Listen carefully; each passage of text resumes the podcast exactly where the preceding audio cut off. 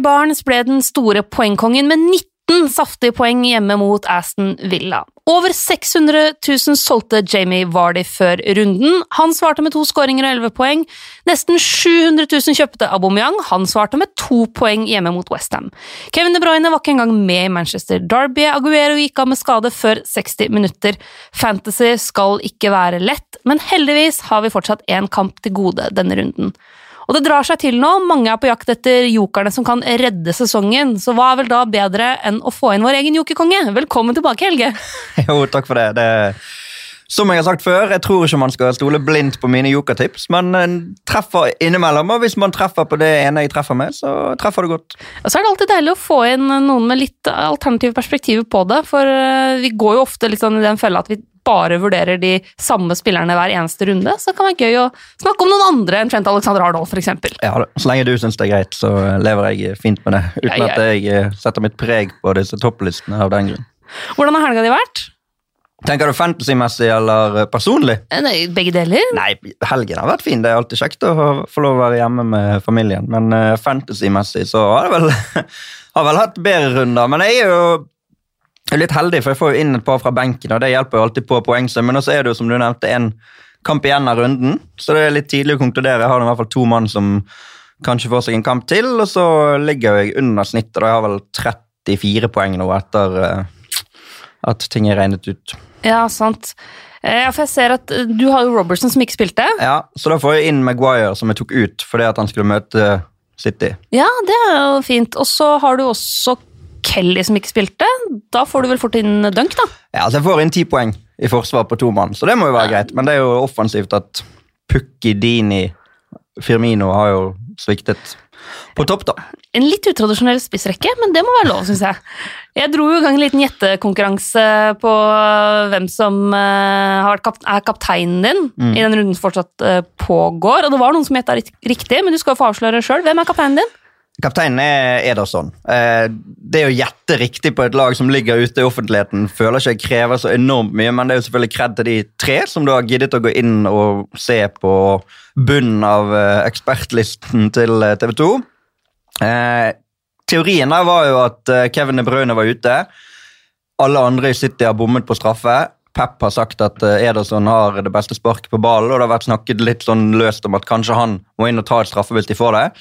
Eh, nå har de to kamper, det er jo dobbeltrunde. Eh, de fikk ikke straffe på Old Trafford, det er jo kanskje ikke noe enormt sjokk. Men de har én mulighet til på onsdag mot Arsenal, og hvis De Bruyne fremdeles er ute, så kan hende Ederson tar det straffesparket.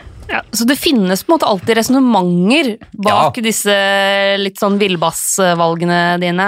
Vi må gi da cred og stjerne i boka, som jeg lova, til Jan Christian Helle, Sveinung Lima og Rune Lid, som alle gjetta på Ederson. Eh, og så har du en mann til som fortsatt har kamp. Hvem er det?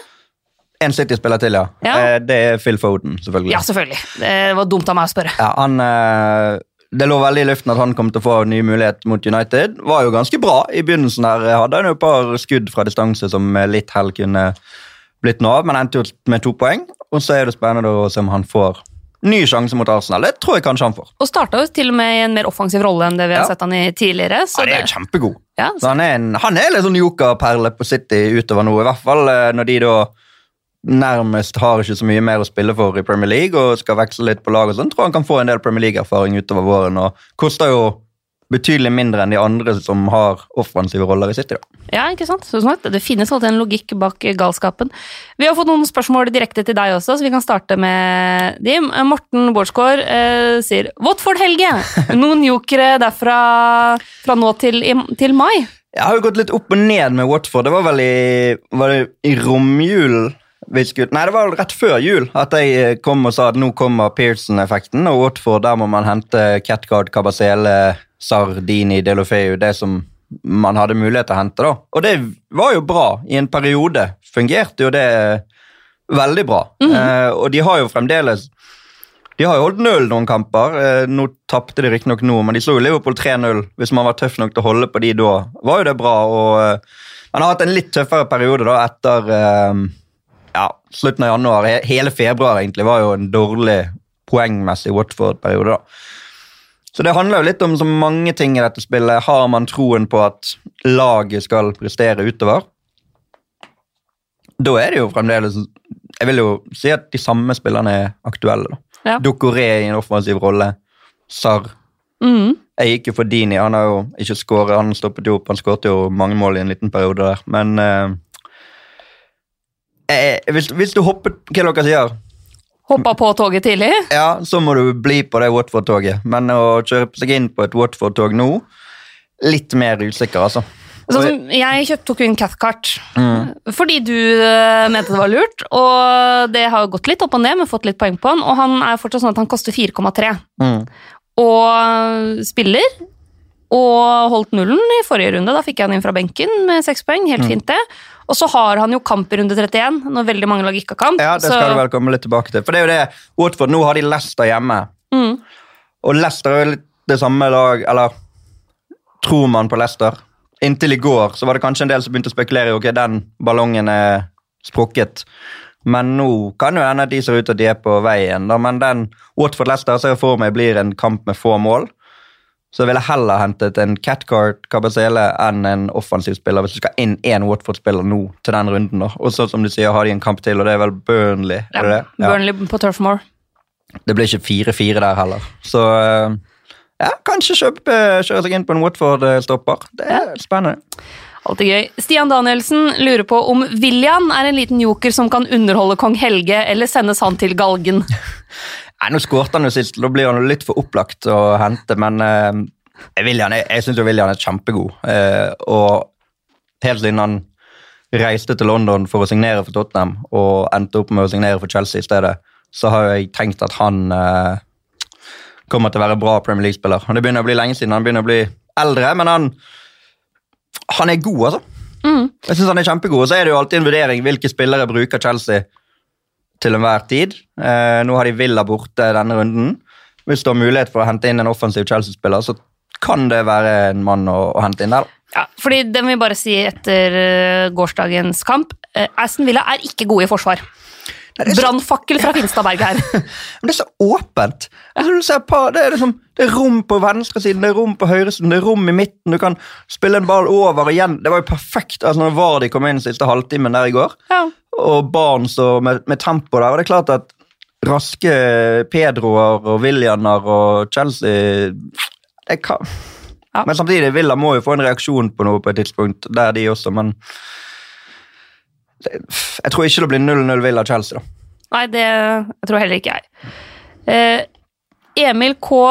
Fum på Instagram lurer på hvem vi KFUM? syns KFUM? Kanskje, kanskje K5? Det var veldig mye bedre lest. Eh, spør hvem har vært den største skuffelsen og den største overraskelsen i Fantasy så langt?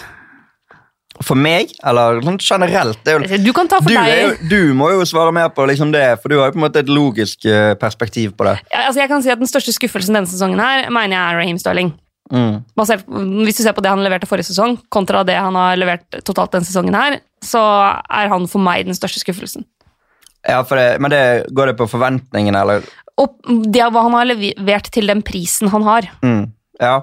ja, for det er jo noe med det. sant? Altså, en, en spiller som er verdt veldig mye, bør jo automatisk generere en del poeng. Men det er ikke Mm. sikkert han er en perfekt fantasy-spiller av den grunn. da. Men klart at Vardy generelt har jo gjort det veldig bra, da. selv om han har hatt en dårlig periode nå. Pukki hadde man jo kanskje ingen forventninger til og var veldig god i, i Men begynnelsen. Men også sånn som, eh, altså Lundstrøm er jo et åpenbart Ja, alternativ her, sjøl om han har mista plassen. Men også faktisk Tammy, Tammy Abraham, Ja, som eh, hadde en forrykende høst. Som i hvert fall ikke jeg hadde så store forventninger til. nei, Samtidig så visste man gjerne at han kom til å få muligheter. da. Ja. og at han har skåret mye mål på lavere nivå. Men det er klart at når han går inn og gjør det såpass bra som han gjorde, så Ja.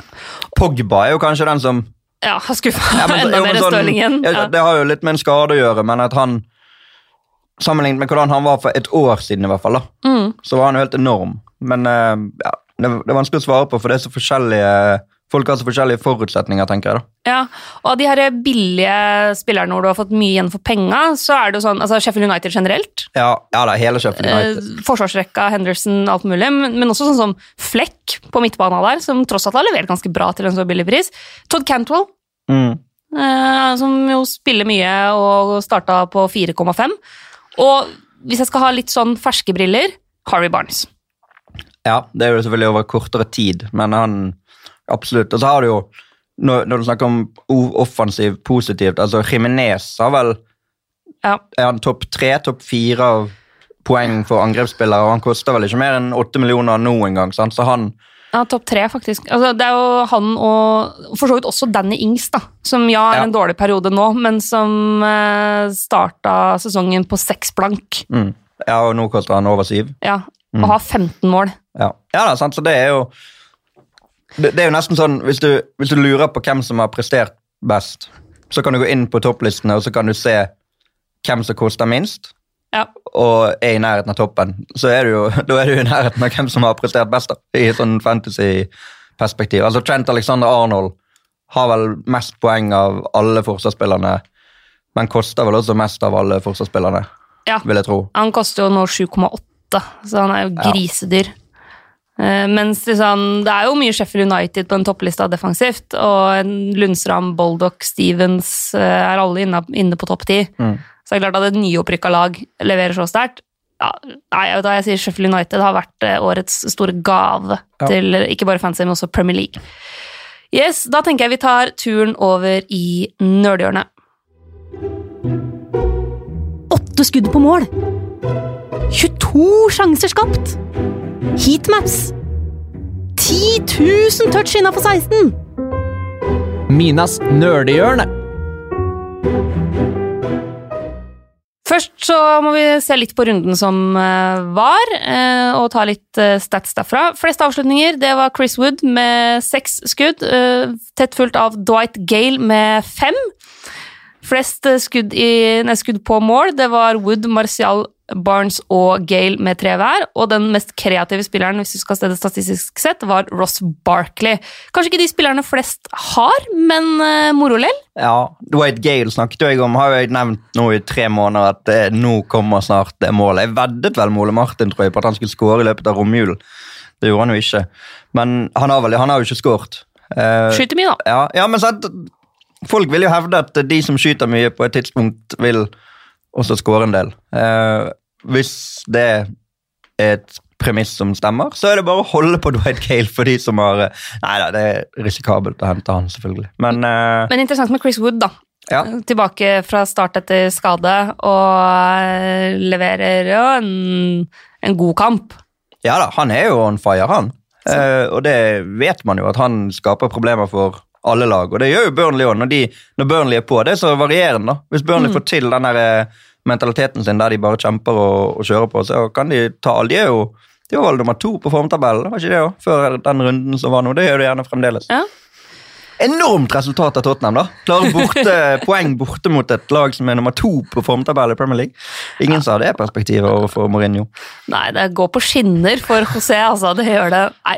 Eh, Alexander Kallevåg eh, Tenden lurer på hva vi tenker om Danny Ings. Ganske dalende form siste fire-fem kampen, kampene. Og Simen Krill på Instagram. Eh, han spør først Bergveien som kaptein. Vi får bare utmarkere at Bergveien er skada, fordi selvfølgelig er han skada. Alle Ja offensive Tottenham-spillere blir jo skada. Ja, nå er det Leipzig i kveld, da. Så Ja. det er vanskelig å konkludere med hvem man skal ha hvis du skal tenke Tottenham-spiller inn mot helgen. i hvert fall. Og vil jeg ventet i hvert fall til fredag før Ja. vi får se om det er noen igjen til kamp mot United. Men eh, Bergveien uansett ute, kanskje resten av sesongen. Jeg synes det hørtes rart ut, men ja ja, vi får sånn se. Ja, men det er i hvert fall ikke noe å satse på nå. Men det Simen også sier, er at han sitter med en følelse av at Danny Ings ble mye dårligere etter at Redmond ble skada. Finnes det tall som underbygger dette? Og det har jeg sett litt fram på. Eh, altså Danny Ings med og uten Redmond. Hvis vi tar de siste fire kampene uten Redmond, og så tar vi de fire før hvor de spilte sammen. Og eh, det finnes tall som underbygger eh, Simen eh, sin eh, teori her. Eh, med Redmond så hadde Danny Ings i den perioden fire avslutninger. Han hadde seks uten Redmond. Med Redmond har han seks skudd i boks, uten har han to. Nei, nei, sorry, skudd på mål. Skudd i boks har han 13 med Redmond og fire uten. Og nøkkelpasninger har han fire med Redmond og én uten. Eh, hva er magefølelsen din på Dannings med uten Redman? Redmond? Altså, jeg tenker jo at automatisk så blir man noe svakere av at en av de beste medspillerne dine ikke spiller. da. Det er jo på en måte bunnlinjen. Eh, og så tenker jeg at fire kampers perspektiv ofte er litt sånn søkt, for det kan ha med litt med motstand å gjøre.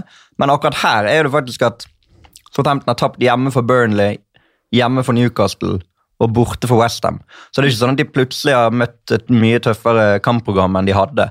Og det er klart at bevegelsene til Redmond og egentlig servitøregenskapene hans er jo noe som gagner en spiller som Ings. Det kan det jo ikke være noen tvil om. Så at Southampton er svekket generelt, og at Ings er svekket spesielt av at Redmond ikke er der, det mener jeg ikke bare det tallene som underbygger, da, men også måten man har eh, Nå har jeg ikke sett alle disse Southampton-kampene, jeg har sett en del høydepunkter. Men uh, det, det, er litt sånn Southampton de har vært så gode, og man har tenkt at dette går greit. Men hvis de ikke passer seg, så kan de faktisk blande seg ned igjen i bunnen. Altså, for det er bare syv poeng ned til streken. Mm. Og de har jo riktignok ni kamper igjen. De har 34 poeng. De trenger nok ikke mer enn én seier, kanskje en uavgjort. Fire poeng, 38 tror jeg kan holde, men nå er de Norwich borte. Mm. Og Norwich har jo fått en liksom lifeline der, og hvis de nå skulle klare å vinne den igjen, så man må passe seg litt for å si at Southampton er helt safe. altså. Ja. Nå er jo siste, siste jeg har sett på status på Nathan Redman, er jo at han forhåpentligvis er tilbake etter Norwich-kampen. Mm. Um, Det, har de kamp i 31? Nei, de har 31, ikke kamp i runde 31. Eh, Så det vil jo da si å være tilbake 4. april, da. mm. Så, men da er jo spørsmålet Skal man da stå last og brast med Danny Ings nå mot Norwich, og så en runde hvor han ikke har kamp, i håp om at det skal bedre seg når Redman er tilbake? Det kommer litt an på alternativene man har. da. Og så er det litt sånn de, de har jo ganske tøffe kamper når de kommer tilbake. da. De har, altså nå Nå har de Norwich borte. Jeg tenker Hvis de taper den, Mm. så er det Watford borte, og så har de City, Everton, United. Så har de riktignok på slutten har de jo noe Brighton hjemme og Bournemouth. Og, men hvis de ikke begynner å vinne igjen før det er mai, så kan det plutselig snakke beintøft. da. Jeg, jeg, jeg tenker kanskje det. Hvis, hvis, du, hvis du har mulighet til å bytte Ings nå, så kan du gjøre det. da, Uten at det er Uten at det straffes for så mye for det. Men det er jo en reflektert eh, altså Jeg ville jo ikke gjort det sjøl. Jeg ville sikkert hentet eh, han her eh, Obafemi. Eller sånn at du kunne hatt både han og Ings, og så endelig kan det løsne. Ikke sant. Og med det så tar vi turen over i båten. Har du sett det kampprogrammet, eller? Sitt stille i båten nå. Men Han er jo i superform. Sitt stille i båten. Jeg kan bare ta minus fire. Sitt stille i båten. Norway FPL spør på Instagram Skal man selge Calvert Lewin og kjøpe Chris Wood. Nei. Ikke? Nei, du må, du må ikke selge Calvert Lewin. Men han har ikke kamp i runde 31, da. Nei, men, eh, ja. men, men det er liksom det der eh, Det er ikke sikkert noen har kamp i runde 31 i disse dager. Du ser hvordan det er rundt om i Europa. Ja, Kanskje hele sesongen eh, blir koronautsatt. Ja. Nei, jeg, det har vært en Liverpool, da. Ja. Calvert Lewin, eh, byderby og Chris Wood borte mot City. ja. Det, altså jeg tror kanskje ikke jeg ville prioritert å gjøre det byttet nå. Eh, fordi Ja, borte mot City, det er litt sånn eh, Føler man seg kjempetrygg på Chris Wood da, eller kan det være verdt å spare byttet og så heller ta en vurdering til rundt 31, da? Jeg ville, Når, jeg, jeg ville heller latt være å bytte Altså heller ha to bytter til runde 31 Ja. uh, enn å bytte Calvert Lewin med Wood nå. Ja, jeg er enig i, i den uh, vurderinga. Det er jo veldig mange som spør om uh, runde 31. Uh, mange lurer på om vi kan sette sammen et dream team. Det er mange som vurderer free hit. Og la oss bare utkvittere det først, for nå veit vi jo hvilke lag som har kamper i runde 31. Nå er liksom det satt. Eh, vi, vi får fire kamper. Vi får uh, Tottenham hjemme mot Westham. Vi får Burnley hjemme mot Watford. Liverpool hjemme mot Crystal Palace og Wolverhampton hjemme mot Bournemouth. Det er de åtte laga som er i aksjon i runde 31. Og uh, det er noen som spør hvor mange spillere bør man satse på. Eh, bør man ha et fullt lag i runde 31, eller blåse i den runda og heller fokusere på resten? Eh, har du valgt deg noen strategi for den runden? Eh, nei, men har vi har jo den der free hit. Ja. Er dette kanskje tidspunktet å bruke den på? Jeg tror for mange så kan det nok være lurt å bruke den nå. Eller kommer det en tilsvarende Altså, det som er litt sånn utfordringa, er at vi har den derre runde, runde 34, eh, hvor det også er liksom FA Cup. Og den, der er det bildet litt uklart foreløpig, fordi der kan vi være i en situasjon hvor enkelte lag har dobbeltrunde. fordi noen av de tidligere utsatte kampene puttes inn der. Mm. Noen lag har eh, enkelrunde, og noen lag har ikke kamp. Mm. Så det kan jo bli en tilsvarende vanskelig runde å manøvrere. Eh, og så er litt spørsmålet med de, de åtte lagene i reaksjon, hvor mye får man ut av free hit da? Hvis man eksempel allerede har tre Liverpool-spillere, som mange Mm. har, eh, så har man på en måte dekka opp det laget allerede. Så det kommer litt an på om man har trua på eksempel Tottenham, Ja, det har man jo. for eksempel. Eh, jeg kommer til å eh, Jeg kommer til å kunne lande på ni eller ti spillere til den runden uten hit. Mm. Men da Ti spillere hvis jeg føler, føler at eh, eksempel Rico kommer til å spille for Bournemouth. Det er det jo ikke så mye som tyder på. Eh, Traoré er jo en del av den miksen her. Om han starter, er fortsatt litt uklart. Men jeg kan lande på ja, rundt ni spillere, og det lever jeg i så fall godt med. Mm. Ja, og så er det jo eh, Jeg har jo wildcard igjen og free hit igjen, sant? Mm. Og så vil jeg nok ikke bruke et wildcard her for å fylle opp med Burnley, Watford og Wolves-spillere, kanskje. Men en free hit her, og så eventuelt ta et wildcard igjen da, til den runden der man Altså avslutte, på en måte, for det var runde 34, sant? da er det fem runder igjen av sesongen. Det tror jeg kanskje at jeg går for, da. Ja. Eh, Men hvis du eksempel lander på free hit i runde 31, da skal vi prøve å se om det er noen spillere som peker seg ut som på en måte Det er jo flere som spør om hvem er must have til runde 31. Ja. Um, vi kan starte med Liverpool. Der bør man fortsatt ha tre spillere selv. Du bør kanskje ha det hvis Ja, du det kjører free har hit. jo jeg nå, har ikke det? Jeg mener jeg har tre. Jeg har holdt på tre Liverpool-spillere lenge med Salah, Firmino og så hadde jeg Mané og Robertson. Ja, jo da, jeg Ja. har tre. Ja. Ja, da, jo, tre Liverpool-spillere må du ha. Um, er det noen Tottenham-spillere vi tenker er aktuelle? Sannsynligvis ingen aktuelle, for alle er skadet. Men eh, noen Altså, det, dette er da 20. mars, sant? Det er min bursdag, faktisk. Hva? Tottenham Westham. 33-årsdag feires med 3-3 hjemme mot Westham, kanskje. Eh, utrolig vanskelig å vite hvem som spiller den kampen per i dag. Nå har de jo Leipzig i dag. Rykker de ut der, så har de kun Premier League igjen. Ja. Og det, selv om Mourinho ikke vil tape en kamp, så tror jeg han har ekstremt lyst til å bare spille én kamp i uken fremover. Um, tror man på at Mourinhos retorikk overfor Ndombele kan gjøre at han får ut det beste av seg, så ville jeg hentet han lett til den kampen. Altså Ndombele. Ja, for du tenker at der skal du løsne med målpoeng. Ja, fordi at eh, det løsner ikke nå mot Manchester United. Det får ikke en sånn umiddelbar effekt, den uh, scapegoatingen som Mourinho drev med i helgen. Men det kan løsne helgen etter. Så det er mitt jokerforslag. Ja. Ndombele. Eh, så har du jo også, hvis du først er på free hit i runde 31, eh, så tenker jeg Del Alli. Ja, han Ta, er jo Tok straffe nå Ja. mot Burnley. Eh, Lucas er jo tryggere på spiltid Ja. nå enn han har vært på veldig veldig lenge, i mangel av alternativer. Harry Kane er jo en joker. Ja, Du tror han kommer tilbake? Han kommer alltid tilbake lenge før han eh, Ja. skal komme tilbake. Men ikke så tidlig, det tror jeg ikke. Eh, og så er det jo Lo Celso, som er den beste spilleren de har, men som har null mål og null målgivende. I fantasy-sammenheng så gir ikke det så veldig bra avkastning, men han kan jo selvfølgelig komme til løsne her. Ja. Og nå tenker jeg utelukkende Tottenham, da, hvis du skal se for deg at Tottenham kan gjøre det bra i denne kampen her. Hvis man skal tenke Westham her, så er det én spiller som jeg syns har sett bra ut i det siste, og det er Antonio. Ja, han er jo helt eh, rå. Han, jeg, jeg bare syns han ser så innbitt ut i alt han gjør nå, og er så innmari påskrudd. Så han, sånn øyetestmessig så syns jeg at han har, eh, har vært bra. Så han kan jo være noen mulig alternativ hvis du er på free hit. Eh, Pope i mål uh, syns jeg er en fin Ja, altså, da er vi på Burnley. ja, hjemme mot Watford. Mm. Eh, kanskje ta en sjanse på Dwight McNeil. Han synes jeg er god. Ja. Kjempegod. Så det, det er et godt valg. Eh, Chris Wood er selvfølgelig også en mulighet. Eh, Men det blir mye offensive der, da. Altså, hvis Ja. du, altså, du kan ikke både hente Ellie og Lamela, tenkte jeg faktisk på også. Kan være en som kan være Føler han ofte er liksom på i de der Westham-kampene. Mark Noble kommer til å herje.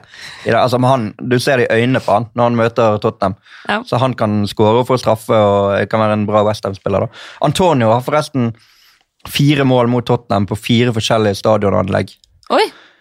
Det må være en slags rekord. Ja, det vil jeg tro Han skåret på Upton Park, og så skåret han på White Hart Lane, og så skåret han på London Stadium, og så skåret han på Tottenham Hotspur Stadium. Så han, hvis han er ferdigskåret, liksom, hvis han må vente på en ny arena, så, eh, så kommer ikke han til å skåre. Men eh, jeg er enig i at han eh, kan være et bra valg der. Så går det an, fordi Wolverhampton har jo hjemmekamp mot Bournemouth. Der uh, går det an å, å satse på enten Jimenez eller Shota, og så mener jeg at det går an å satse litt defensivt der, hvis du skal fylle opp forsvarsrekka di. Uh, Docherty er jo så Defensivt, offensivt med Doherty. Ja, men sånn, Ja, ja. Og så går det faktisk an, hvis du først er på free hit, da, å tenke at du tar én Liverpool-forsvarsspiller eh, og to Wolverhampton-forsvarsspillere, for eksempel. Mm. Skal prøve å sette det opp i et lag, da. Ja. Hvis du da har Pope, Mm. Pope i mål, og så Dette en- blir Helges joker-free hit-lag. Ja. Og så må du da ha Tenker du, Det holder jo med en Nei, du kan jo ta Du, du skader jo ikke å ta 16 mann, liksom. Nei, 15. Nei, det gjør du ikke. Men eh, si et lag som skal være de som skal spille, i hvert fall. da. Så er det Pope i mål. Mm. Tenk at det blir 0-0 mellom Burnley og Watford. Så du kjører Pope, og så kjører du Me Ja. og Catcart og Kabasele. Ja. Siden de er mine mål, menn, de må jeg ha med. Ja. Og så en eh, Trent Alexander Arnold. Mm. Og så en midtbane med da Noble, Ja. Ndombele, ja. Sala ja må, må ha inn én uh, ja. og kanskje Mané òg. ja. Kjøre Liverpool der, ja. Ja. Mm.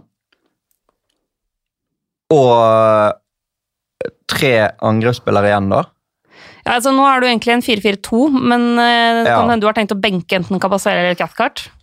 Ja, det kan du for så vidt gjøre, men i hvert fall Jimenez på topp, da. Ja. Og så nei, det burde jo hatt en spiss fra Lucas, er han spiss? Eh, Eller er han midtbane? Nei, han er vel midtbane. Antonio Ja. skulle jo ha med. ja, altså jeg syns jo Antonio ser eh, som sagt, Jeg syns han ser fresh Han og ut, midtbane. men han er også midtbane. Det går selvfølgelig an å kjøre fem på midten Ja, og én på topp, og kjøre liksom Jimenez. Ja, for vurderingen er jo Firmino, da, men da må du ta ut Mané. Ja. Det kan Eller Origi. Origi. Kanskje det er han. Kanskje det er det. vi Ja da. Ut med Mané, inn med Origi. ja. Origi, Jimenez og uh, Wilson. ja. Til tilfelle rottefelle et eller annet der. Og så da mangler du bare en på midten, eller? Og en bak. Ja, som kan sitte på benk. Ja. Så. Ta inn uh, Ryan Fredericks, da. Han var god mot Tottenham i fjor på Tottenham Hotspur Stadium. Tidligere Tottenham-spiller. Ja. Og så en uh, McNeil. ja. Et deilig joker-free hit-lag servert eh, litt sånn på gefühlen spontant ja, her. Jeg har ikke helt oversikt at jeg ikke tok mer enn tre fra noen klubber, men jeg tror ikke jeg gjorde det i det tilfellet der. Det er helt, helt nydelig. Da, for de av dere som har lyst til å bare ta en sjanse, så har dere her eh, fasit. Og så kommer vi også tilbake i neste episode med et eh, kanskje litt mer tradisjonelt eh, forslag til uh, free hit-lag. lurt. Men det her kan bli gøy, det. Alexander Wold lurer på hvem som er den beste forsvarsspilleren til under 6,5 million. Ja, nå har ikke jeg alle de prisene i hodet, da. Det må jeg være ærlig på. Men jeg kan vel kanskje slå det opp her. Skal vi se. Eh, jeg har jo et forslag. Lundstram er jo Koster ikke han Jo, han under er fem. jo fortsatt der. Eh, og så mener jeg jo at eh, Docherty er en veldig heit kandidat til 6,2. For han er under 6,5. Alle mine forsvarsspillere er jo under 6,5, utenom Robertsen. Ja. Men jeg har jo Maguire. Han hentet jo jeg nå etter Bruno Fernandes kom inn og skulle slå dødballer. Og han koster vel 5,2 eller 3. 2 kanskje og med. har øh, vært forholdsvis solide. Så det, han mener jeg kan være en mann, da. Ja. Hvis man skal tenke utelukkende de som har, øh, har kamp øh, i den runde 31, så tenker jeg at det er liksom Da ville jeg gått mest inn på Wolverhampton-gutta. Doherty. Alle de leverer i kategorien under 6,5. Doherty øverst på lista. Sjøl har jeg Roman Sass, fordi han var så billig. Ja, og han er jo et trussel på dødballer. Ja. Så, så han øh, har jeg valgt å gå for der. Tottenham defensivt øh, er ikke sånn kjempeaktuelt. Westham defensivt heller ikke veldig aktuelt. Nei, i hvert fall ikke Ikke til den kampen her. Nei. Eh, Ole Tobias Jacobsen vil ha litt grann, eh, stats på Bruno Fernandes i det siste. Eh, jeg kan ta veldig kort eh, de fem kampene han har spilt i Premier League. Eh, han har 3,8 skudd per kamp. 1,4 av dem er på mål, og så skaper han 2,2 sjanser per kamp. Eh, hvis du sammenligner med det for eksempel Salah og Kevin De Bruyne har levert gjennom sesongen, så har Salah 3,9 skudd per kamp, så Bruno Fernandes litt under det. Men, han, men Salah har flere skudd på mål da, per kamp. Det er jo ikke så rart heller, de har litt ulike roller. Um, og så skaper han selvfølgelig Salah litt færre sjanser enn enn Bruno Fernandes. 1,89 per kamp. Eh, Kevin De Bruyne har 3,18 skudd per kamp, så der ligger Bruno Fernandes over. Eh, og Kevin De Bruyne har bare 0,96 skudd på mål per kamp, mot 1,4 på Fernandes. Eh, og så skaper jo Kevin De Bruyne veldig mange flere sjanser per kamp foreløpig. Altså, han er jo på over fire sjanser skapt per kamp, mot da 2,2 hos Bruno Fernandes. Men så, så Bruno Fernandes le leverer liksom Han leverer ikke helt opp mot toppspillerne på noen av kategoriene, men leverer gode tall, altså. Ja, han er jo Han har jo mål eller målgivende nå i, utenom i debuten i hver kamp. Ja. Og jeg hentet han jo inn og sammen med Maguire, som sagt, da, og kommer til å holde på han ut sesongen, tror jeg. For han er Ja. Jeg mener, han er, han er liksom så instrumental for Mm. det United-laget. Det, det er nesten ingen du, du har snakket om Saha og Crystal Palace, og på en måte på det nivået, da. Hvor Mm. viktig en enkeltspiller er for laget. Og måten han bare har kommet inn og tatt styringen fra start, det, det er jo for det første utrolig imponerende. Og så er det jo gøy å se da, at du kan være så god i en annen liga som åpenbart er noe dårligere enn Premier League, og så bare gå inn og gjøre det samme. Mm. Eh, vi satt jo og kikka en del på tallene til eh, Bruno Fernandes eh, i sporting. Og de var jo helt vanvittige. Altså, sånn under, nå snakker vi ikke underliggende tall, men nå snakker vi bare antall mål og målgivende. Han hadde den, spesielt den ene sesongen hvor han eh, produserte så vanvittig mye mål at det var, eh, altså, det, det var en helt egen klasse. Den ser foreløpig veldig bra ut også. Jeg angrer veldig på at jeg tok inn Martial istedenfor Bruno Fernandes for et par runder siden. Kan si at jeg solgte jo Martial før runden nå, Ja, for å få inn eh, Foden. Ja, selvfølgelig. Det var jo bom. Ja, det, men det Men jeg beholdt Bruno Fernandes, da. Ja. Så Bruno Fernandes seiler opp som en ny fantasy-favoritt. Eh, Carl Kennan eh, Dogan, Dogan kanskje, Jeg lurer på om Jesus er verdt å ha på laget. Han vurderte jeg faktisk inn nå, Ja. eh, før, siden det var dobbeltrunde. Eh, men falt ned på å, ikke gjøre det. Eh, det er jo den pep-rulleringen som er usikker å si hvordan det ser ut. Eh, der òg er det en faktor Champions League. Mm. De har jo cup og sånt, så det, det er ikke trygt. Det er ikke et trygt valg.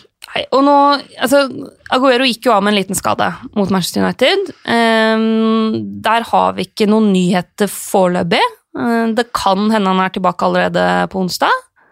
Det kan hende han ikke er det. Mm. Så der må vi vente og, og høre litt. Det er klart Hvis, Aguero, hvis, hvis det blir sagt Aguero er ute et par uker, Ja da.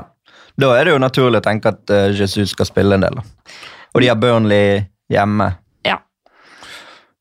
Kan bli alt fra 0-0 til 5-0, avhengig av hvilket Burnley-lag som er der. møter opp. Og hvilket City-lag som møter opp. De var, Ja de var tidvis ganske svake mot United. Ja, de var gode i begynnelsen, da, frem til de skåret. Men uh, var ikke det borte mot Burnley? De bare var helt elleville denne sesongen.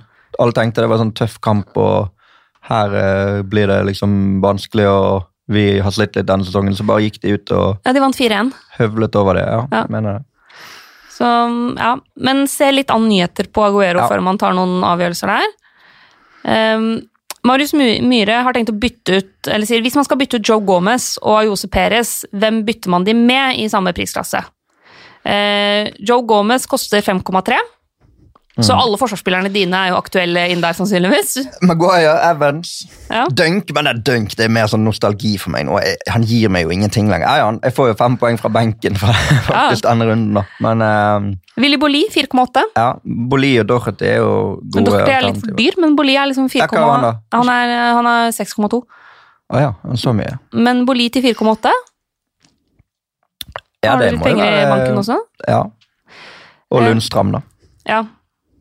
Så er det Men det er kjedelig å komme med de samme hver gang. Ja, Hva med han uh, spilte back for Leicester i går? Justin. Han var god. Ja, men Kjempegod. Var han god nok til å ta plassen permanent i en Ja, Jeg syns han var veldig god i går. Ja. Men det er klart at uh, du har jo andre backer som sikkert skal inn og spille der, da. Men Ja. uh, han syns jeg var bra. Eh, Ayose Perestad koster 6,2. Eh, verdt å nevne at eh, lagkamerat Harry Barnes koster 6,1. Mm. Så du kan spare penger og få en bedre fantasy-spiller. Man må bruke et bytte, da. På et rent Leicester-bytte. Ja. Sånn. Eh, Antonio er dessverre litt for dyr, han koster 6,9. Men eh, Foden er jo bare 5,1. ja, Han er jo min mann. han er din mann. Eh, Dwight McNeil, 6 blank. Ja. Eh, Det å ha liksom den ene eleganten i Burnley Mm. på laget, er ikke det litt gøy? Jo, men, det, men ikke før City borte, tenker jeg da. Kanskje at det ikke Nei, og alle mine tips her er jo veldig veldig prega av de lagene som har kamp rundt ja, men 31. Hva med Wolves, da? Adama Traoré, eksempel.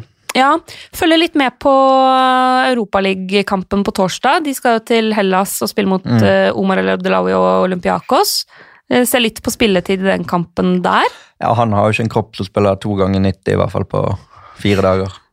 Så ja, verdt, verdt å, å følge litt med. Neves, hva koster han? Eh, og han er billig. Um, han, har altså han, han spiser har jeg ikke huet, for han har jeg bare ikke Nei, vurdert. da, Han tenker ikke du på. Da er han en mann som jeg må vurdere. Ja, han koster 5,2. Ja, Motinho litt mer, kanskje.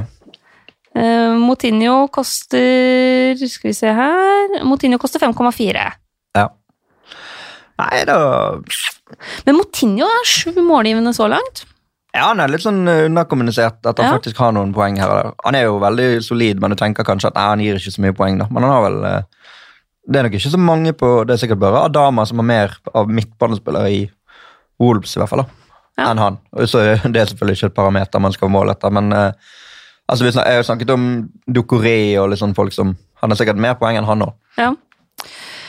Ja, det er ikke så dumt, det, altså. Um, selv om, som sagt Og så har du SAR, da, som koster 6,3, så det er bitte litt dyrere. Um, jeg ville nok, hvis jeg skulle tenkt inn mot runde 31, så ville jeg kanskje gått for Dwight McNeil. Um, men eh, er åpen for at eh, det er mulig Hva koster disse midtbanespillerne til eh, Tottenham, egentlig? Altså Uten at uh, For Ellie og det er jo for dyr, sant? men Ja. er det noen av de som Lamela, som kanskje kan være tilbake og spille igjen, koster vel under 6 millioner? 5,7. Mm. Dumbele som han 5,8. ja. ja, nei, men da En eller annen fra Wolves eller eh, joker i Lamela. Mitt, Ja. mitt jokerforslag. Jeg må jo komme med jokerforslag. Ja, ja, det er jo derfor du er her. Ja. Eh, mens vi er inne på litt sånn Wolverhampton-snakk, så lurer Sebastian på om han skal gå for Shota eller Jimenez til runde 31. Mm. Ja, Der hadde vel jeg Jimenez med på dette laget mitt, da. Ja. Eh, altså hvis du ser siste kamp mot Brighton, det ble jo 0-0, men eh, der ser du litt av grunnen til den prisforskjellen mellom dem. Eh, Shota har ett skudd, Jimenez har fire. Mm. Altså Han kommer seg til flere avslutninger i løpet av en kamp. Ja, men det- Shota var jo Han skåret jo fem mål på en uke her eh, for et par uker Ja. siden. da. Og han, når han er så mye billigere, så er det jo en vurdering, selvfølgelig. Kanskje jeg skal hente inn Shota eh, Kanskje han skal ta over for Pukki ut sesongen for meg. Ja. Eller sånn, men der og Wolves, hva tror man det, det, må jo være, det må være litt frustrerende å heie på Wolves òg, når de har gjort det så bra, og så får du en hjemmekamp mot Brighton så ikke de klarer å vinne. Altså, de, Ja. de burde jo vært enda litt høyere med tanke på hvor gode de faktisk har vært mot en del av de beste lagene. Og Sånn var jo det forrige sesong òg, Mm. men denne sesongen er de jo liksom Nå er de jo der. Altså, de er jo, de er jo nesten i Champions League hvis de bare gjør jobben, og så svikter de, da. Men eh, Men uansett ikke gjøre noen bytter heller før Europaligakampen. I Nei, tilfelle det kommer noen skader og sånne ting, så, så kan det være lurt, altså. Jeg vet ikke jeg hvordan koronaståa er i Hellas. det ble vel ikke noe tilskuere, i hvert fall. Nei, det er jo veldig mange kamper nå som skal gå uten tilskuere. Det er kjemperart å se. Veldig, veldig rart å sitte og se fotballkamp. På på TV uten tilskuere. Mm. Det er veldig merkelig. Det er noe med lydbildet som blir uh, litt rart. Det, alt ser ut som treningskamper. Mm. Ja, ja. Eh, Tony Nordtveit han sier at han har gått på noen ordentlige blemmer de siste rundene, er nå 73 poeng bak lederen i venneligaen. Eh, desperat etter å ta han igjen og vurderer å plukke ut et diffelag på wildcard for å gjøre et siste forsøk på å ta han igjen. Hvem er de beste og sikreste diffespillerne over hele fjøla? På forhånd, tusen takk for hjelpa. Problemet er vel at eh, en diffespiller er ikke sikkert kort. Det er vel kanskje det som er utfordringen med, Ofte, ja. med det valget, da. Altså Akkurat den prosentandelen og sånne ting, det, vet, det har jo kanskje du bedre kontroll på enn meg, da. ja. Men det, du kan slenge ut spillere, så kan jeg sjekke om de er innafor. Ja, altså, vi har jo, har jo nevnt Fernandes. Ja. Og så er det klart at Han er det vel etter hvert en del som kanskje har, men det er ikke sikkert at ikke alle har han. Hvis du har et wildcard, så Ja. tenker jeg han er en som kommer til å få en del poeng også fremover. Bruno Fernandes har øh, 15% eierandel. Ja, det er jo ikke Er det nok til å være en differensialspiller? Men han er jo litt sånn eh, Han kan jo likevel være litt sånn joker, for det er ikke alle som har klart å hive seg på det toget enda. mm. Eh, hvis man har trua på Del Alli og Tottenham, Mm. så har han en eierandel på under 5% Ja, det tenker jeg, hvis du, har, hvis, du, hvis du har troen på Mourinho altså, Punktum. Hvis du tror at Mourinho skal klare å få noe ut av det Tottenham-laget, som han nå åpenbart ikke har gjort de siste ukene, men hvis du tror at det kan snu, så kan du hente Lucas Mora, Lamela, Ndombele, Ellie, et eller annet der. Og hvis du har lyst til å være mest mulig differensiell, så er sikkert Ndombele det beste alternativet. Men det er jo ikke, noe, det er jo ikke safe på noen som helst måte. Nei, det er det ikke. Uh, Hugo Ries er jo tilbake igjen. Han har en veldig lav eierandel. Mm, ja. Og så hvor mange ganger har de holdt null i år? Én? Eh, ingen, nesten. Eh, men sånn i forsvarsrekka så er det jo Wolverhampton-spillerne har fortsatt lav eierandel, så de eh, går det an å gå inn på. Patrick van Anholt har en eierandel på 5,4 Mm. og har jo litt sånn, litt sånn blanda kampprogram, men offensivt potensial i hvert fall. Så det er mulig å, å tenke den rekka. Jeg nevnte jo Maguire, men jeg nevnte jo han Williams for en stund siden. Ja. Som en som eh, sikkert ingen hadde, men kanskje kunne vokse litt inn i rollen. Og har jo spilt mer og mer. Han er vel fremdeles på sikkert ikke mer enn en 5-6-7 Ja, stemmer. eller noe sånt. 5 Det er, jo, mulig. Det er jo risikabelt, det òg, da. Ja. Ben Williams, altså. Hvis ikke ja, det var klart. jeg tror det var klart. Eh, ellers så er det jo litt sånn eh, altså Spillere som har lav eierandel. Eh, Wilfred Saha, men eh, han leverer jo ikke noe særlig.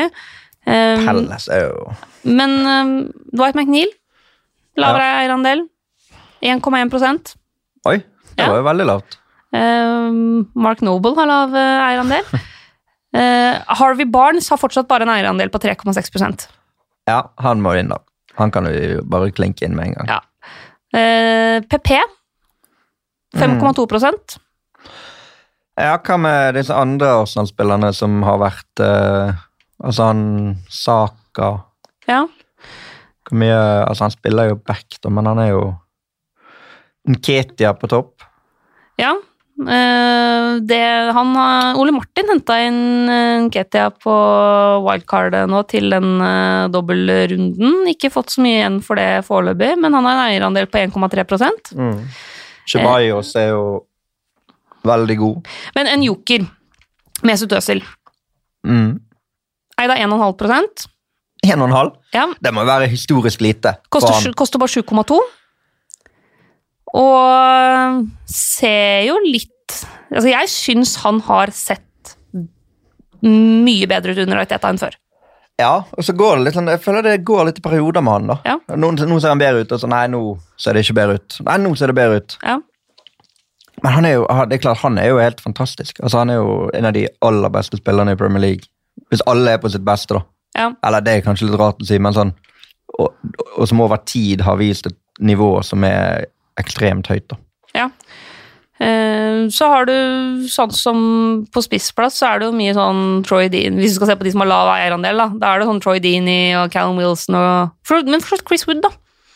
Eh, han eh, har en eierandel nå på 1,4% 1,4. Ja. Det må jo være lavest, altså med tanke på antall Ja, han- mål han var jo- ja, Han var ute, ja. ut med skade, ikke sant? Så det er ikke mulig å tenke han inn i, i miksen her. Nei. Eh, Det er jo litt sånn at altså, eh, veldig, veldig mange har eh, Nick Pope. Alle andre Burnley-spillere er av under 5% Da er det bare å kjøre rent Burnley-lag, da. Hadde det vært lov. Ja. Nei, men, men Barnes, altså Lester Barnes tenker jeg kan være en fin mann i hvert fall på et sånt lag. Og så Ja. er jo andre navn vi har sagt nå litt mer sånn sporadiske, da. Ja. Eh, vi skal da ta turen inn i duellen, for der også er det noen jokere den runden her. Nei, nei, nei, nei! Nå er du helt på bærtur! Det er jeg helt uenig i. Mener du det? Duellen. Duellen i dag den er bestilt av eh, Henrik Understrek Solheim 5 på Instagram, eh, som ønska seg Billy Sharp eller Jordan Ayu eh, i duellen. Begge har dårlig kampprogram, men er i form. det er jo en ganske god beskrivelse. Så selvfølgelig, hvis, det, hvis dere vil ha duell mellom Ayu og Hva Sharp, var det så du får kalte dere han som hadde sendt det spørsmålet? Henrik Solheim. Er det en du kjenner? Nei. Er det et alias du har laget deg for å kunne svare på dette spørsmålet sjøl? Dette må jo være en duell etter ditt hjerte, Helge. Ja, ja, absolutt. Det bare nesten virket for godt til å være sant at det kommer en med et sånt uh, spørsmål. Henrik Solheim, jeg må google han, se om Ja. dette er en som finnes. Um, men de siste, hvis vi ser på de siste fem kampene, så har de tatt like mange poeng. 22. Mm. Uh, de har skåra to mål hver. Så har jo Jordan Ayu spilt 450 minutter, mens Billy Sharp har spilt 283. Han har jo blitt bytta ut i mange av kampene. Mm. Ja, og var jo veldig lenge at han ikke spilte. Ja. Men eh, nå han, virker det som han er liksom tilbake i varmen. Det er jo egentlig en, en veldig fin historie også rundt Billy Sharp. Han er jo på en måte klubbhelten. Ja, ja. Men det var jo snakk om hele januar at han skulle vekk, og Wilder satt på pressekonferansen og sa at nei, han har lyst til å bli og han skal kjempe for det, men vi er åpne for at han kan få seg spilletid et annet sted. og Nå er han plutselig inne og spiller, da. Ja. Og jeg har jo tenkt liksom hele veien Nei, han, han er liksom ikke helt god nok da i Premier League. Det går litt for fort. Ja. Men han har jo den der målskåringsgreiene i seg. da. Han er liksom på rett sted. og Den skåringen sist nå, den headingen, var jo Det var ikke heading? På det, eller roter jeg nå? Det var innlegg på bakerste der, i hvert fall. Som han, Ja. Jo, jeg tror han stanget den.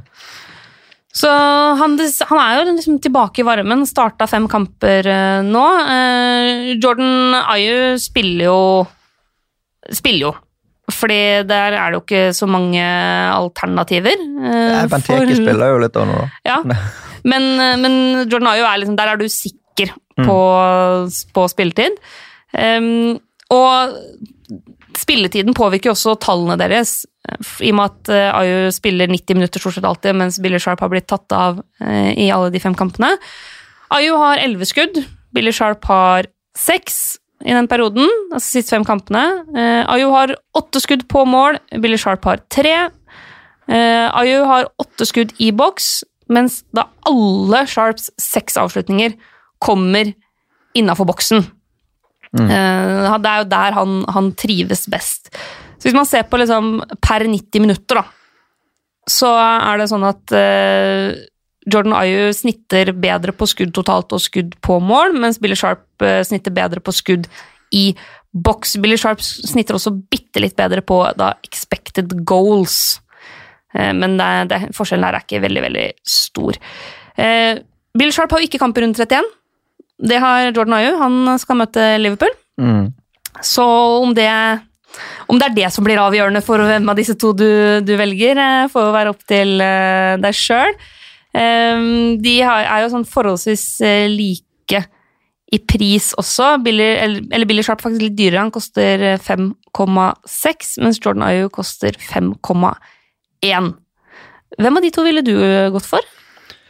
Jeg hadde nok vært vurdert McGoldrick eller Benteke i stedet, hvis det var opp til meg. Men eh, det har jeg jo sagt før, at McGoldrick, å ha han den runden han skårer, det må være det ultimate målet. Ja. Men det kommer vel kanskje ikke til å skje. Jeg tror jeg hadde hatt mer tro på at Aju får mer poeng de neste ni kampene enn Billy Sharp. da. Ja. Men eh, det sagt, det er ikke sikkert at i en enkel runde Nå er det vel Bournemouth borte, sant? og så er det Newcastle borte. Newcastle er fort et lag Billy Sharp kan dukke opp og skåre mot. Eh, En løs ball inne i feltet der som han kan være på. Bournemouth Palace kan jo, det kan jo bli 0-1. De har vel vunnet tre, tre kamper på rad nå, 1-0. Palace. Ja, Altså, det, de er- det blir ikke målfest. Nei da, men Palace er jo, altså de er jo nesten med i en kamp om en eh, femteplass, de også. Ja, fra å være litt sånn Oi, kanskje kan det bli nedrykksstrid på Palace? Så er det plutselig Ja, nå, vunnet ikke det lenger. rad. Hadde de tapt de tre, så hadde jo de vært midt i der. Ja. Men eh, Hodson med ny kontrakt der og Nei, det han er, Men han er jo så uforutsigbar, da. Ja, altså Jeg har jo hatt Jordan Ayu en periode tidligere denne sesongen. her. Mm. fordi han er så billig å spille fast. Så jeg, for meg så lener det i retning eh, Ayu, fordi han eh, Du får 90 minutter stort sett, eller i hvert fall minimum 80. Han har kamp i runde 31, ja det er mot Liverpool, men det er fortsatt det er to poeng da, i en kamp hvor Billy Sharp får null poeng fordi han ikke har kamp. Eh, Og han er en halv million billigere. Mm. Så selv om Sheffield United er et bedre fotballag denne sesongen her, så blir det nok eh, min, Jeg hadde nok gått for Ayu hvis jeg skulle Ja, det tror jeg òg. Jeg, hadde. jeg hadde jo Billy Sharp første runde. Ja, da, da sant det. skåret han jo. Første serierunde. Og så hadde jeg vel han litt til, og så var han ute av laget, og så forsvant han. Og jeg har ikke tatt han inn igjen. Jeg tror ikke jeg kommer til å ta han inn igjen heller. Nei. Selv om han blir glad når han skårer, han òg. Misforstå meg rett. Eh, Men McGoldrick, det hadde vært enda bedre.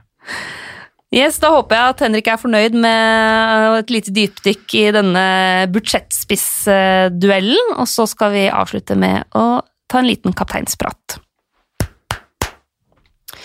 Ja, eh, vi har jo begge to kapteiner som eh, fortsatt har kamp. Jeg har Aubameyang, eh, og du har Ederson. Oi, direkte duell, da. Direkte duell. Men har du vurdert noe hvem som skal bli kapteinen din i neste runde, eller? Nei, det pleier jeg å bestemme meg for rett før. Ehm, og jeg pleier å bestemme det ut ifra hvilket lag jeg tror vinner mest den runden av de spillerne jeg har på laget mitt. Mm. Så eh, da ligger du an til at Ederson blir værende som kaptein. Ja, hjemme mot Burnley. Eh, ja, Ja. Eh, hvis Kevin De Bruyne er skadefri og tilbake igjen, så er han et aktuelt alternativ for min del i den kampen det skjønner jeg. Og hvis han er skadefri og tilbake, er jo også Ederson et mindre alternativ for min del. Ja, for det er straffene du først og fremst Ja. er ute etter her. Er det riktig? Eh, ellers så spiller jo Arsenal borte mot Brighton, Aubameyang. En mulighet der. Eh, Everton-Liverpool syns jeg er kjempevanskelig. Ja. Fordi vanligvis så er jo Mohammed Salah et aktuelt eh, kapteinsvalg hver eneste runde for min del. Men de her Mercyside-derbyene eh, Mandag kveld der på Goodison Park Hvis City, hvis City taper for Arsenal Ja. og ikke vinner mot Burnley, så kan vel Liverpool vinne ligaen på mandag. Og det er et godt poeng. Å, ja, fordi da, hvis Liverpool kan vinne Men det vet man ikke før fristen, da, for det avhenger av hva som skjer mellom City og Ja. Burnley. Det er sant. Men det er klart, hvis de kan vinne tittelen borte mot Everton, så Eller ja, bare hvis De må ta seks poeng til hvis City vinner resten. Ja. Så hvis City taper for, for Arsenal, Ja, så må de ta tre poeng til. ja sant det. Så hvis City taper for Arsenal, Så så kan de vinne serien på mandag. Kan de det? Det føltes så Jo, men det, de kan vel det. ja, skal vi se noe Det er du som pleier å ha best kontroll på akkurat disse tingene her. Ja, jo, men det tror jeg. Ja. Ja, jeg tror du har rett, altså. Jeg tror du har rett, for det er jo Ja. For da er Liverpool på 85 poeng, og City står på 57. Hvis de taper mot Arsenal. Ja, og vil ha De vil ha ni kamper igjen. Ja. Altså, per nå, hvis City vinner resten, så får de 87. Ja. Hvis taper for Arsenal, kan de ikke få mer enn 84. ja. Og hvis Liverpool vinner, så får de 85. Ja. Så hvis City taper for Arsenal Hvis City taper for Arsenal, så er øh, Å, men, men hvor motivert kommer ikke Everton til å være Ja. i den kampen der, da? Det er i hvert fall en faktor. Det er en faktor. Det er definitivt en faktor. Det kan hende jeg bare styrer helt unna den kampen her. Jeg styrer også unna Tottenham mot Manchester United, selv om jeg har Martial. Det blir ikke Martial-kaptein øh, i den kampen på min Bruno. Fernandes, kanskje. Ja, hadde jeg hatt han, så hadde han vært oppe til uh, vurdering, altså. Uh, Chelsea borte mot Aston Villa. Har du offensive Chelsea-spillere som er skadefrie, så er det et godt, uansett hvem det er nesten, et godt kapteinsalternativ. Mason Mount, hvis du fremdeles har han, eller har hentet han inn igjen. Ja, eller hvis du Eller har William, eller noe sånt noe. Uh, ikke kaptein Billy Gilmore, selv om han er god. Han er god. Ja, han er kjempegod. Men uh, han er ikke kapteinsvalg. Eh, de som sitter med eksempel Harvey Barnes bort mot Wat- Watford Ja, men Watford det, de kommer ikke til å slippe inn mange mål i den kampen. Men eh, ja da, det er jo en mulighet, selvfølgelig. Men jeg tenker City er jo Ja, altså Sitte hjemme mot Burnley er på en måte ut, den kampen man kanskje i utgangspunktet ser ja, til. Eller Villa Chelsea, Ja. selv om det er hjemme. Ja, men Chelsea skårer jo mer på ja, Generelt denne sesongen har de skåra mer på bortebane enn hjemmebane. Ja, men vil... Jeg syns det er så unødvendig Villa. da. De liker Villa. En stor klubb og har lyst til at de skal gjøre det bra. Ja. Graylish har jeg på laget. kommer ikke til å hente han opp som kaptein. Nei. Det du i hvert fall må tenke at Hvis du vil ha Chelsea-spillere, så kan du også ha United-spillere. Og motsatt. Hvis du dropper Chelsea-spillerne, så kan du droppe United-spillerne. Dette laget jeg en nettsak på i helgen. Da Chelsea spiller før United, og det har de gjort hver gang i 2020, så har United kopiert deres resultat. Okay. Hvis Chelsea vinner, så vinner United. Hvis Chelsea avgjør poeng, sånn at United kan ta inn på de, så avgjør United poeng. Okay. Det har de gjort hver gang. Ha. I nå ni runder på rad. Det er ganske interessant. Så du, her må man rett og slett bestemme seg for om man eh, har sånn trua ved- på sånn- Chelsea. Ja. Hvis du har troen på Chelsea, så kan du også hive inn United. Og hvis du tror at uh, Aston Villa klarer å holde unna mot United. Lucas Mora, Ja. du hørte det her først. Ja, ja. Det tror jeg var det vi rakk for den gangen eh, her. Tusen takk for at du var med, Helge. Det var veldig stas. Jo, takk for at jeg fikk komme. Jeg, håper, jeg har vært litt sånn forkjølet i, i stemmen, så jeg får håpe at det har holdt. Det har nok gjort det, det også, altså. Og så høres eh, vi til uka, eh, alle sammen. Da skal jeg slå på tråden til en eh, gammel venn. Det blir veldig stas. Og så er jeg tilbake på fredag. Hvis det dukker opp noen nyheter på pressekonferansen, så får du de på eh, Facebook-gruppa TV2 Fantasy, men også på Instagram-kontoen vår TV2 Fantasy. Vi snakkes!